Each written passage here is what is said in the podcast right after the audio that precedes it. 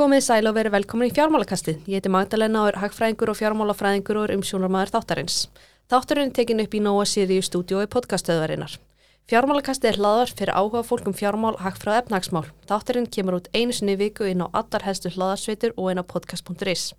Í dag við fenginga til mín í settið hana Erni Björgu Sverrisdóttur aðal hagfræðing Arjanbanka. Við ætlum að ræðum ímislegt meðal annars kjaramálinn, stýrivexti, gengi krónunar, verbulgu og efnagshorfur. Erna, verður velkomin. Sæl, takk. Uh, við ætlum að ræða ímislegt í dag en byrjum á kjaramálunum. Mm -hmm. Samningar hafa náðst við vaffer og starfsgrinnarsambandið en ebling stefnir á að fara í verk, verkfall. Svona kom þessi niðurstöð eitthvað þér á óvart?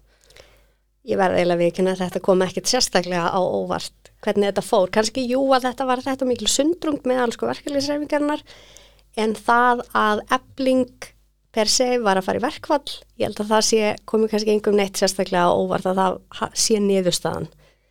Nei, mitt. Hefur ebling svona digra verkfallsjóði eða hvernig svona... Sko nú veit ég ekki betur heldur en það sem maður hefur lesið bara í fjölmunum núna síðustu daga en það verðist allavega að vera sem að, að samtöku atvinnulífsins hafi meiri bólmagn til að takast mm. á við verkföll eða verkbann eða hversu sem niðurstaðan verður heldur en að ebling hefur. Mm. En svo veit maður auðvitað ekki sko það eru þannig ákveðin sjóður sem hægt er að ganga á.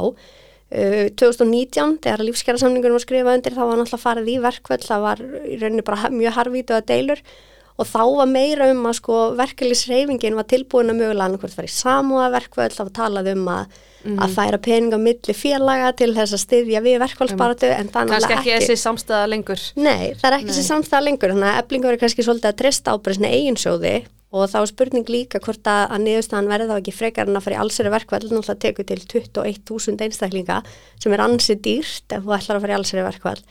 Þannig að maður gerur svona ráð fyrir að niðurstaðan verði ykkur skæruverkvöld eflaust beint sérstaklega að ferða þjónustunni því að hún kannski stendur einna helst öllum fæti eftir bara COVID-faraldurinn mm -hmm. en ég er bara, ég skal veikina það, ég er svolítið spennt að vita líka hvernig niðurstaðan verður meðal félagsmanna eblinga því að það er náttúrulega bara verkfallsbóðun mm -hmm. það ætti að vera lægt fyrir félagsfólk mm -hmm. og hver verður niðurstaðan? Er verkfall, er það eru allir tilbúinir til þess að fara í verkfall? Einmitt, þú sagði ræðna á hann að þetta kom þér ekki óvart svona hvernig svona sátt þetta fyrir eða svona hvað, hvað nákvæmlega var ég... bara hvernig Sól, Sólveig Anna hefur látið eða? Já, maður náttúrulega hefur fengið núna dálilega reynslu nokkur ára því að hlusta á bara hvernig verkefliði sreifingin hefur verið að koma fram og hvernig talsmátu þeirra hefur verið og þau hafa verið svona dálilega herská og ég eiginlega það sem kannski kom mér meira ávart er að það náðust samningar fyrir jól mm -hmm. mér fannst það bara gríðarlega eða mikið afreg bæði á samtökum aðurlýfisins og verkefliðshefingunni að hafa náð saman á ekki lengri tíma en þetta. Já. Maður er svolítið vanur að horfa á það hérna á Íslandi að, að samningar renna út og svo tekur marga, marga mánuði áður en að loksins er hægt að semja á nýjan leik þannig að það að lífskjara samningunum hafi runni út 1. nómbu 2022 og þú hefur komið samninga fyrir jól við allavega stóran hluta almenna vinnumarkaðarins, það kom mér eða kannski mest óvart.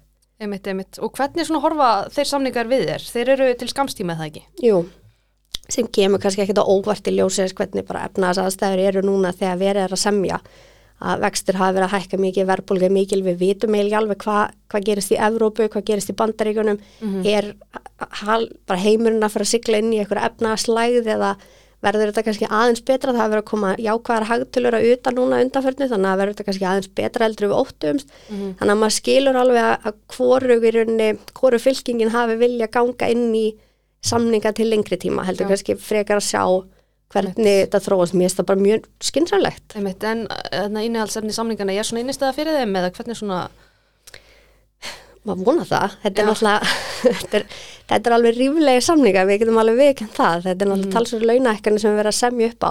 Og við skulum heldur ekki gleyma þeir eru afturvirkir og þetta er þriðja launahekkunin sem að einstaklinga voru að fá í desiberi að mjög margir sem fettul til mjög sundi lífskjærasamningin það var hækkun í januar svo kom hafvaksturrauginu í, í mæ eða april-mæ og síðan kemur hækkun núna aftur um árumótin þannig að þetta er þriðja launahækkun á einu ári fyrir mjög marga aðila sérstaklega á almenna vinnumarkanum. Þannig að það er búið að vera greiðlega mikil kostnæði sem er búið að velta núna bæði á í rauninu bara fyrirtæki og atvinnureikendur en ég hugsa svona, svo ég bara tala fyrir sjálfa mig að það er svona áallanir sem maður var búin að setja niður fyrir þessa sanninga, ég myndi að þetta væri bara í nokku góðum takti við það, þannig að við ekki leiði yfir samningunum með hvernig töfluna breytast, ég bara þekkja ekki alveg nógu vel hvernig þetta spila saman. En til dæmis bara eins og Hagsbarium banka gerir á þeirra launhækja með alltal um 7,3% á næsta ári. Og mér sýnir svona í fljótu bræði allavega svona serjætt útreikningur að mm. þessir kjærasamningar falli eitthvað starf þarna á bílinu allavega, það er kannski aðeins meiri hækkunöldur en gert var áfyrir en kannski meir en Sæðlabanki gerir áfyrir en ef við skoðum bara þær Hagsbar sem að bankanir hafa verið að gefa út þá er þetta eitthvað starf þarna held ég falli allavega eitthvað starf í grendinni við þær spár millir 7-8% naflunahækkun og allar þessar spár þráttur þetta mikla launahækkun gera ráð fyrir að verðbólgan komi niður á þessu ári þannig að maður að bara að það verði raunin. Einmitt, ertu bjart að náist farsett lendir á kjara viðræðinar? Vefling hætti að vera svona svakalega herská?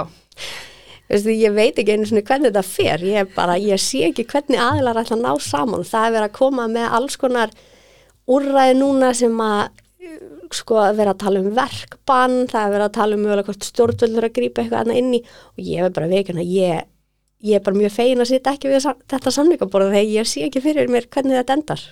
Einmitt, eh, nú hefur atvinnuleysi verið lágt en nú í þessu svona háa vaksta um hverfi ásand launahækkanum áttu von á því að atvinnuleysi muni koma til um að aukast á næstu misserum? Já, það gæti alveg svona komið aðeins kannski líka að segja bakslæði þess að þróun sem hefur verið en, en þetta er ansi mikil spenna sem við erum að sjá á vinnumarka þetta er kannski ekki alveg það sem að ég hugsa ef ég kemi á frá sælabankana myndi ég segja að þetta myndi ekki samrýma stöðut verðlag mm -hmm. heldur þannig að það er mjög, er mjög þannin vinnumarka ef við séum bara vinnuaflskortur hefur verið, einu sinni verið meira og það var árið 2007 þannig að manni þykir alveg líklegt að þegar að fer aðeins að hæja á umsögunum mögulega í hagkernu þegar fyrir mögulega að hæja á eftirspurnu eftir okkur útflutningsafverðum frá til að mynda Evrópu, hvort að það muni þá eitthvað aðeins hæja á vinnumarkanum sem er leiðist, það eru komin ákveðna vísbyrningar aðtunleysir aðeins að þókast upp en það er náttúrulega svo sem vetur þannig að það er svona þetta er, lá, þetta er ekki high season hjá ferðarþjónustunni þannig að það er spurning hvernig þetta fer. Já, ræðu núna þessum gengi krónar, það verður eitthvað að vera rætt um það síðustu daga nú hefur veikin krónunar á þriðja og fjárað ástfjórðingi síðasta árs 2002 vakið aðtegli.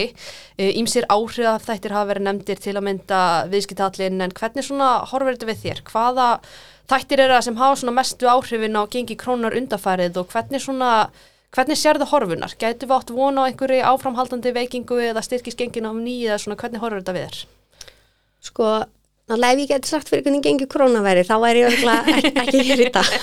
Nei, bara svona, hvað telur þú?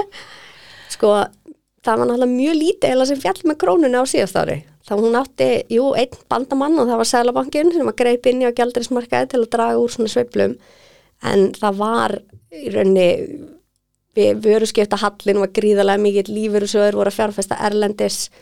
Eh, bankanir voru að eitthvað leiti á, á gældrismarkanum að kaupa gældiri og þetta einhvern veginn, það var ekkert sem fjall einhvern veginn með krónni og ég sé ekki alveg að það verði einhver veruleg breyting þar á, þetta er náttúrulega fyrirtáldi eftir hver við sjáum ferðarþjónustun að lenda þessu ári. Mm -hmm. og spárnar fyrir komið ferðamanna er náttúrulega bara á afskaplega breyðu byli frá held ég 1,9 miljón ferðamanna uppi sko alltaf 2,4 mm -hmm. þannig að það þetta, hefur greiðlega mikið láhrif hvort að hér komið 500.000 fleiri að færi ferðamann en ég sé ekki fyrir mér að, að það verði mikil stuðningur endalega við krónuna að, að það er ennþá mjög mikill vöruskipta halli, uh, þjóðin. Hér stendur bara ansið vel ef við skoðum bara heimilisgeiran skuldir, spartnað uh, kaupmátt sem vonandi eikst á nýjanleika þessu ári.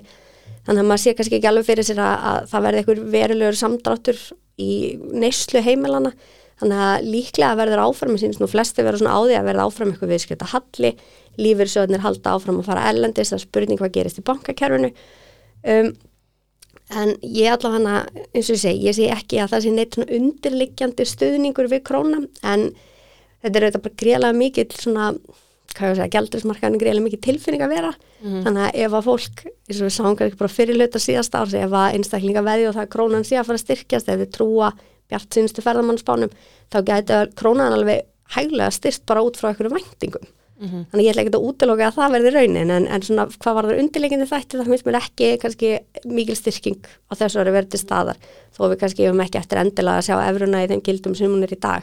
Einmitt, þú nefndir að ferðarþjónustan sé áhrifað Mhm. hvernig svona þú að spá ferðarþjónustun á þessu ári? Ég er, sko ég er alveg bjart sín fyrir ferðarþjónustuna en ég er kannski ekki alveg bjart sín eins og þess að nýjastu spár frá ferðarmálastofu hafa verið að gefa til kynna því að ég hreinlega sé ekki hvernig við ætlum að taka á móti þá ætlum við fjölda ferðamanna.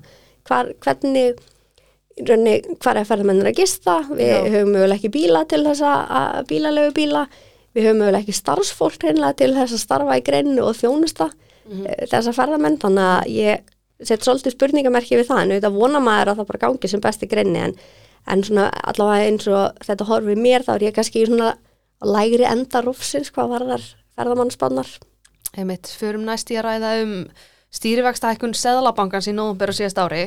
Uh, Seðlabankin hækkaði stýrivexti um 25 púnta uh, og það er ekkit launingumál að þú hefði vilja sjá óbreytta vext í nóðumber. En svona hvernig metur annars vakstahækkanir Seðlabankans á síðasta ári? Hefur þú yfirleitt verið sammála Seðlabankan? Já, svona oftast nær hef ég verið sammála og alveg skilið þessar rauksundafæslu og af hverju Sælabankin hefur þurft að grípa til svona mikil hækkuna og mér finnst alveg bara með hver staðan er að teiknast upp í heiminum í dag þá er þetta bara mjög jákvætt að við séum höfum verið þetta fljóta bregðast við og séum komið með vexti á þennan stað. Það sem að mér fannst kannski nú er ég búin að rífast og skammast út um allan bæ í þessu en það sem mér fannst sérstaklega kannski í nóvumber um, mér fannst ekki kannski beint vera þörf þá að hækka vexti og þá kannski út frá því hvað Sæðalabankastjóri hefði sagt í oktober að ætli allt svona veit ekki hvort ég að segja klúðrið en svona það byrjaði á oktoberfundi nefndarnar þar sem að Sæðalabankastjóri kom ítrekkað fram og sagði við erum vonandi búin að gera nóg, við erum að gefa boltan annað og ég einhvern veginn vonaðist Og eftir það er kannski eitthvað aðeins upp í erminn á sér þar. Já, akkurat. Og maður er einhvern veginn svona vonaði að Sælabankin myndi sína aðeins meiri pólitískan skilning á stöðun í hækjörnu. Það er enginn að draga þeirra sjálfstæði í efa alls ekki og það er enginn sem er að segja að Sælabankin er að koma á borðinu og lofa ekkur um vaksta lækkunum eða hér verð ekki meiri hækkanir. En svona út frá, út frá því hvað sagt var þá fannst mér ansi litlar breytingar hafa orðið millifunda, bara mánuðið millifunda og svo sem ekkert óvænt sem gerðist í millitíðinni mjög litla breytingar og mjög margt kannski sem við bara fótt til betri vegar.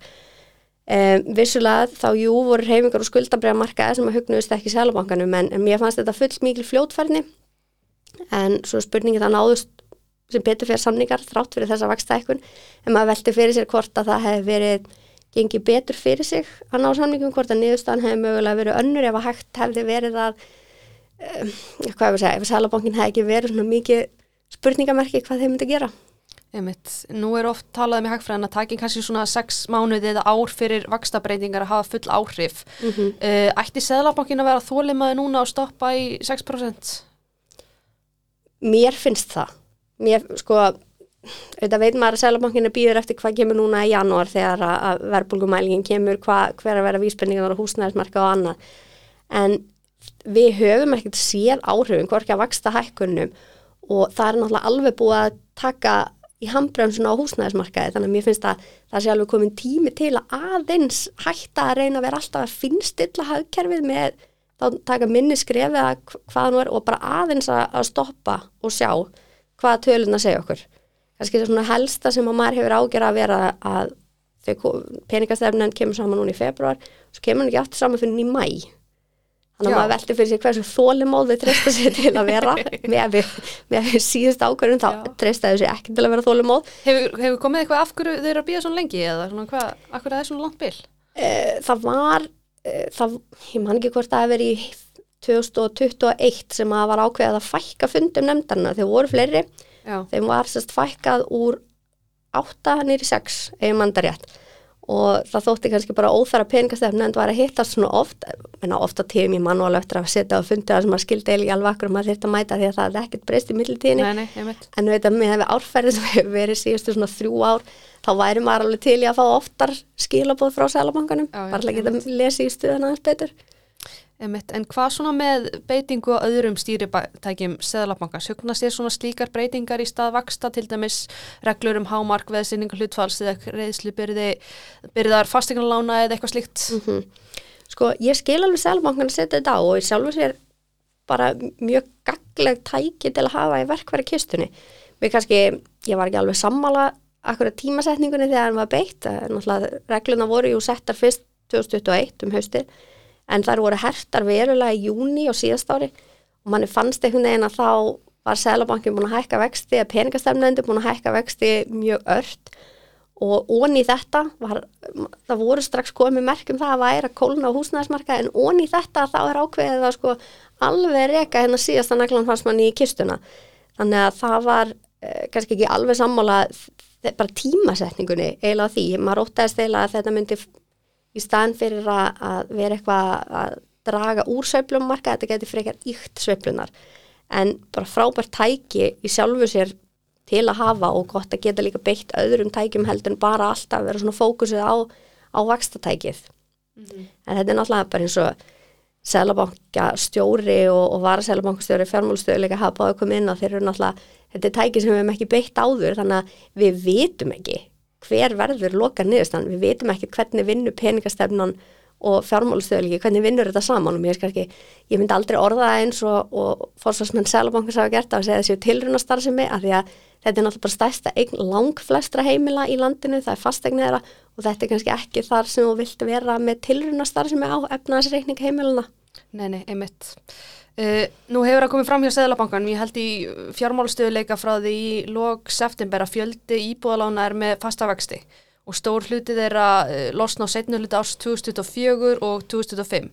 Hefur áhyggjur að þessi staðreind ásamt svona kaupmáttar aukningu við launahækkana í kjölfar nýgerðara kæra samninga mun einhverju leiti svona tefja áhrif vakstahækkana Sælabankars og stiðlað kannski þrálótara verðbólku? Það sem maður hefur náttúrulega áhyggjur af er svo nú að vera að tala um að þetta sé svona nýja snjóhengjan sem við þurfum að glíma mm. við það er að þegar það kemur endurskoðan og vaksta ákvæðinu mm -hmm Um, við náttúrulega erum í svo sérstaklega stöðu ólíkt löndunum í kringum okkur að við höfum, þetta er rauninni bara eins og hálgerð svona, hvað ég var að segja, svona escape fyrir heimilin að þau geta alltaf farið í verðtrykt mm -hmm. og ég held að það sé líka ef maður hefur séð svona áfalla stresstesting hjá selabankanum þegar þau eru að skoða hver áhrifin verða þegar þessar breytingar koma verðast ekki á mjög mikla rákir af þess að því að einfallega fólk stend, fólki stendur svo margir valkosti til bóða en ég hef svo sem alveg áhyggjur af því hver, uh, hver staðan verður þegar þessu kemur og það að fólk sé að fara í auknum mæli yfir í verðri láni er ekkert sérstaklega gott fyrir peningastefnuna og, og bara bit hennar og ég held að þetta sé eitthvað sem að ég, er alls ekki að segja ég sé endilega á móti verðryggingum, mér er bara frábært að fólk hafi í rauninni val til að taka það lánafórum sem henda hverju sinni. En, en þetta getur samt verið uh, svona aldrei þungubaki að kingja þegar að því kemur. Uh, er einhver svona lærdómur sem Seðlabankin getur dreyjað síðustu tveimur til þreimur árum? Fóru vextir oflátt í COVID að tínum að þið? Það er alltaf svo auðvitað Kanski auðvitað að vitur eftir á. Það er alltaf auðvitað að vitur eftir á. Sko það sem ég hef að setja mig mest á móti það verður þá þessi vaksta hækkun sem kom bara alveg, allavega mínum að þetta er svolítið bara svo þrjumur heiskir og lofti að það var búið að taka vextina niður í 1% að gera þetta gríðarlega skömmum tíma og svo það var allt gert í rauninni fyrir sumarið en síðan kom hann að ein lítil auka vakstalækkun sem mér finnst eiginlega að hafi alveg verið óþarfi. En ég, ég er ekki vissum að maður bara hugsa tilbaka hvernig staðan var á þessum tíma ég hugsa að, að það hefði alltaf verið gjörsamlega á hliðin í samfélaginu ef Sælabankin hefði ekki grepið til þessara aðgerða og mm. í sjálfu sér bara loksins voru við að geta beitt vakstatækinu eins og maður á að geta beitt vakstatækinu í staðan fyrir eins og til og með fjármálarhunnu þegar við fórum með vext upp í 18% þó að við varum að gangi mm -hmm. gegnum gríðulega djúpa efnaðaskreppu. Einmitt, eh, hvernig sér þið fyrir þeirra stýrivexti muni koma til með að þróast á næstu misseri? Munu við sjá einhverja lækkuna seint á næsta ári?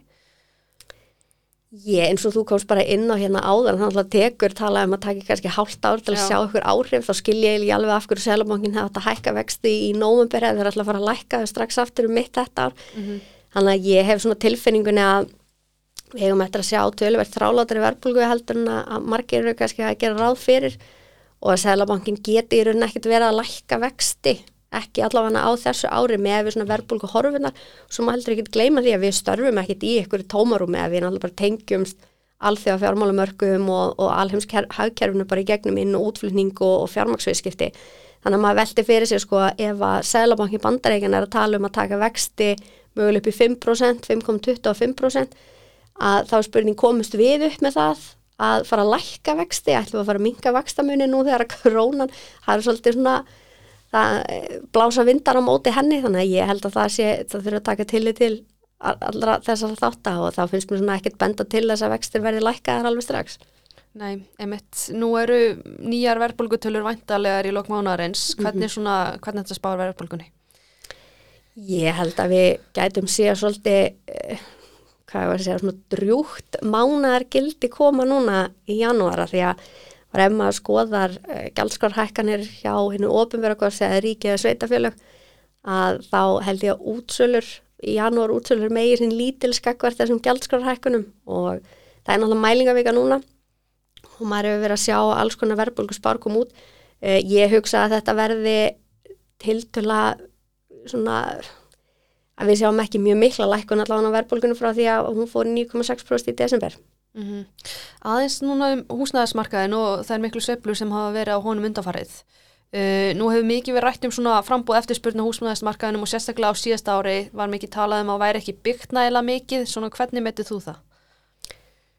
Sko ég hugsa náttúrulega, eh, ef maður skoða bara húsnæðismarkaðin frá því ánu 2020 þá var þetta náttúrulega fyrst og fremst sko til að byrja með allavega stýrivægsta lækkanir sem voru svolítið að, að kveikja þannig undir þessu, þessum húsnæðisverðshækkunum að því að maður sér það bara ef maður skoða sko hvernig húsnæðisverð var að þróast saman bara við leiguverð.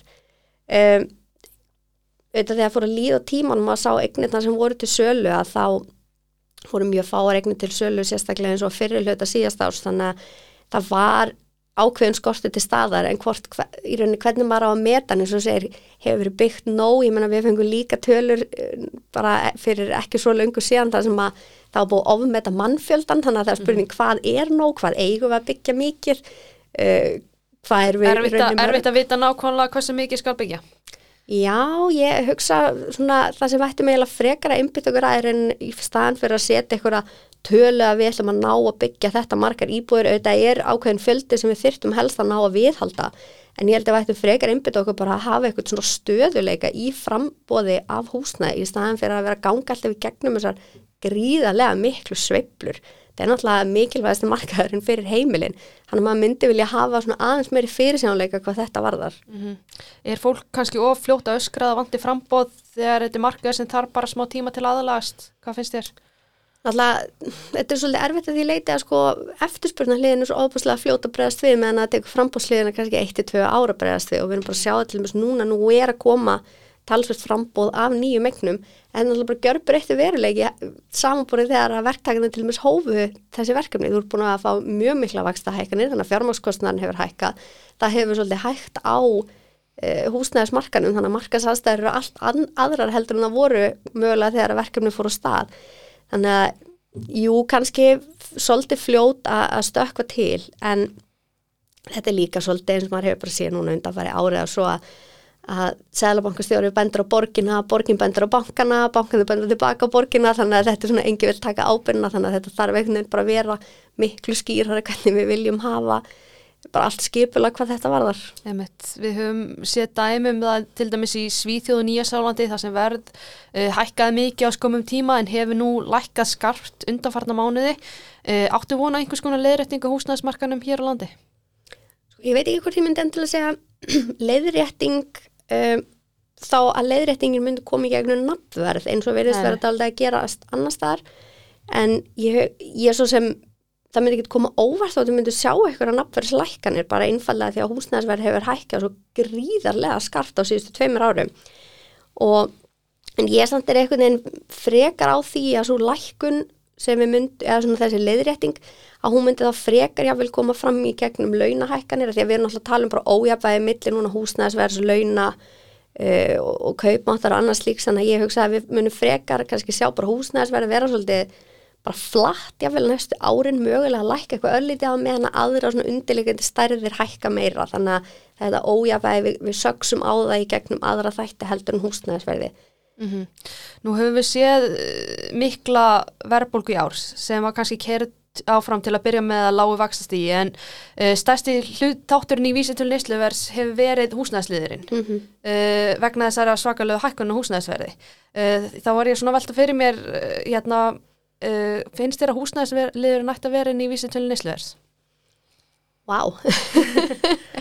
ég held að geta spurt rosalega marga hagfræðinga og aldrei fengið svipa svar Já, þetta er, þetta er svo ákveðið þrættu epli. Já, þetta er mjög mikið þrætaefli og maður getur nú, og ég hugsa að fólk skipti líka bara nokkuð oft um skoðunum Já, og maður heyrir einhver tala, já, þetta meika sens og heyrir maður anstætt, já, þetta meika sens. Þannig að, og ég meina þú getur bara flett tilbaka í, ég man ekki nákvæmlega hvað riti heitir peningastefna á Íslandi eða eitthvað svoleið sem að Ásker Jónsson, núverandi selmangstöru ritstýri mhm. og þar var ein af lausnunum að það var einmitt að taka nákvæmlega. út úr vísitölni nákvæmlega, hugsa- mamma eftir því. Já, ég hugsa þetta er kannski, hún er aldrei tekin út úr vísitölni beint Nei. en að því að þetta er náttúrulega bara stór í rauninni neyslu útgjöld sem heimilin hafa ég er ekkert að segja að ég er ekki hægt að breyta um útreikningi menn að við höfum sé bara ég man ekki nákvæmlega ártali bandaríkin þau til dæmis reiknuðu vísitöluna eins og við gerum núna breyttu útreikningnum á húsnæði í vísitölni hvort það hefur verið 83 og 4 þegar náttúrulega verðbólga var greiðalega mikil það hefur verið talað um ef að þið væri að reikna verðbólgu ennþá í dag eins og þið gerðu þá sem svolítið eins og við erum að gera var í miklu meiri mæld verðbólga í bandaríkanum og hún er nú samt sem aður tiltalega mikil. En ég held að við getum rökrætt alveg fram og tilbaka um þetta og endanum er þetta bara pólitísk ákverðin það var svolítið kostulegt hann í upphæfi síðast árs þegar hann var að tala um að það ætti að, að taka út þennan lið og, og innveðar á þeirra sendi áskorun á hagstofuna. Það var, ég varst það svolítið komist. Svo líka kannski eitthvað svona ákveð innbúti í þetta ætti að taka eh, ekki inn í vísitöluna þegar sveiflur eru miklar eins og fyrir um seðlabankastjóri Írlands eh, stakk upp á ef ég mann rétt. Já, það kannski, þú vilt ekki hafa þetta inni þegar sveiflunar eru miklar upp á við en á móti Nei. kemur eins og gerist í fjármálarhunni hjá okkur, þá var þetta aldrei svona akkera á verðbólguna. Þannig að það er svona, allir þetta sé ekki svolítið hvað fólk er að hafa vind, segla eftir vindum bara hvenar þú vilt hafa þáttinn inni og hvenar ekki og við hefum nú heyrt Ásker Jónsson tala um það að allavega eins og Sælabankin horfir á þetta núna þeir eru svolítið að vonast til þess að, að húsnæðisliðurinn verði svona ákveði akkeri fyrir verðbólguna á þessu ári.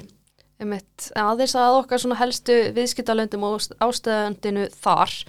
Hvernig svona meturu stöðuna erlendis? Vakstahækanir þar verðast ekki vera búnar, eigum eftir að sjá, eigum við eftir að sjá efnagsástandi þar vestnáður en það verið betra eða hvernig svona metið þú það? Þetta er bara mjög góð spurning. Ég er nú kannski ekki sérfræðingur í, í efnahafsmálunum erlendis en ef við skoðum bara það tölu sem hafa að koma frá Evrópi þá lítur þetta nú miklu betur út heldur en bara fyrir svona mánuði síðan. Það álvan býr svolítið vel á því að það búið að vera óbúslega hlýtt þannig að það hefur ekki gengið að prata gasbyrðinar og, og bara orkubyrðinar eins og óttast var og það hefur verið nokkuð sterkar svona framlustu tölur til þess að koma frá Þýskalandi. Það er virðist sem að verðbólgan hafi í einhverjum tilfellum verið búin á hámarki. Við fengum verðbólgutölur frá bandareikunum núna. Mhm, og, einmitt. og þær voru svona í takti við væntingar. Það er að hægja til að hratta á verðbólgunni. En manni finnst svona líklegt með það að vaksta hækkanir eru, við erum ekki alveg fyrir vind hvað það varðar og maður geta alveg sé fyrir sér að, að þessi kostnæðarvers og er henni bara framlistu kostnæðar krísa sem að evrósk heimili standa frammi fyrir, þetta er náttúrulega nú þegar að fara að draga verulega úr eftirspurn. Það er bara spurning hvernig þetta endar það hefur komið mjög svona mistökkar spár fram til dæmis uh, framkvæmtastjóri alþjóða gjaldurisjóðsins vil meina að, að það er verið að spá því að hvort hann hefði þess að þriðjungur af efrusvæðinu er því samdrætti á þessu ári. Þannig að það er svona spurning eh, vissulega mun hægja á vextinum hvort þau förum í samdrátt það er, það er svo stóra spurningin og hversu mikil hann verður Mm -hmm. Þú erum svona bara nokkuð bjarsina horfinar þar. ég veit ekki hvort ég ætti að Svona- segja ég væri bjart sín Svona maður, hóflega bjarsin. Já. maður vonar það besta Einmitt, einmitt. En að venju þá endur við svona þáttinn á persónuleg nótunum. Uh, þú ákvæmst að menta í hagfræði. Af hverju Mhm. var svo fræðikreint fyrir valinu? Ú, ég veit ekki hvort þetta komið vel út að svara svo hreinskilinslega í ljósi hvernig hvað ég starfa en þetta var ekki að því ég hafði eitthvað brennandi áhuga á hagfræði þegar ég var að velja hvar ég vildi vera heldur var þetta svona, þetta var miklu meira praktist svona sjónarmið að velja hagfræði frekar en eitthvað annað.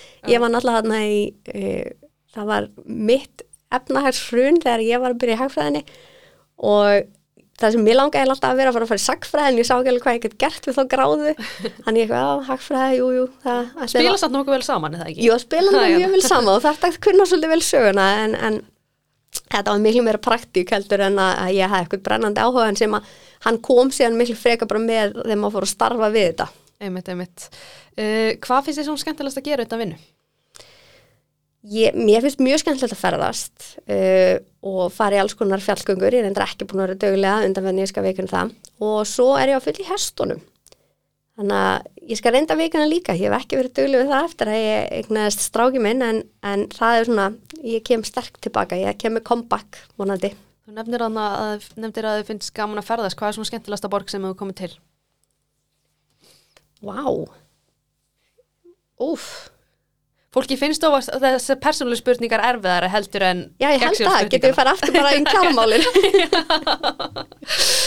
Guð, ég get eiginlega ekki svara Mér finnst reyndar sko Mér finnst skemmtilega að fara í svona um, ferðir, ekki endilega borgarferðir heldur, ég bæði farið með sagt, uh, farið með manninu mínum og við höfum verið að ferðast í svona uh, fórum til Colorado og vorum að keirum þar, fórum með vinkunuhópnum og keirum niður Kaliforníu. Mér finnst það eiginlega svona skemmtilega ferðir þannig að ekki vera endilega alltaf fasturinn í borg. Nei, einmitt. Uh, hérna, uh, hvað er þínum að þið besta fjármálamyndi að þættir allar tíma? fjármála myndi að þættir um, ég, ég hef mjög gaman að þetta er ótrúlega klísukjönd svar en ég hef mjög gaman að Big Short Já, mér fannst hún samt mjög erfið að horfa á hana fyrst ég get alveg veikandi verið að stoppa hana vandræða loft til að googla hugtökin en mér fannst hún ég hef mjög gaman að henni já. Einmitt líka, það er líka þrjusu bók. Þannig að, það er þrjusu bók og ég get svo líka alveg mælt með þú veist, þessu bók, mér fannst til dæmis hérna, Lægjus Pók er mjög skemmtileg mm að, en það, bara já einmitt, og talandi bækur, ég byrði alltaf, hérna, viðmælandi mín að mæla með einni bók fyrir hlustundur fjármálkassins. Hvaða bók mælið þú með? Ég er náttúrulega ekki nóg dögulega að lesa.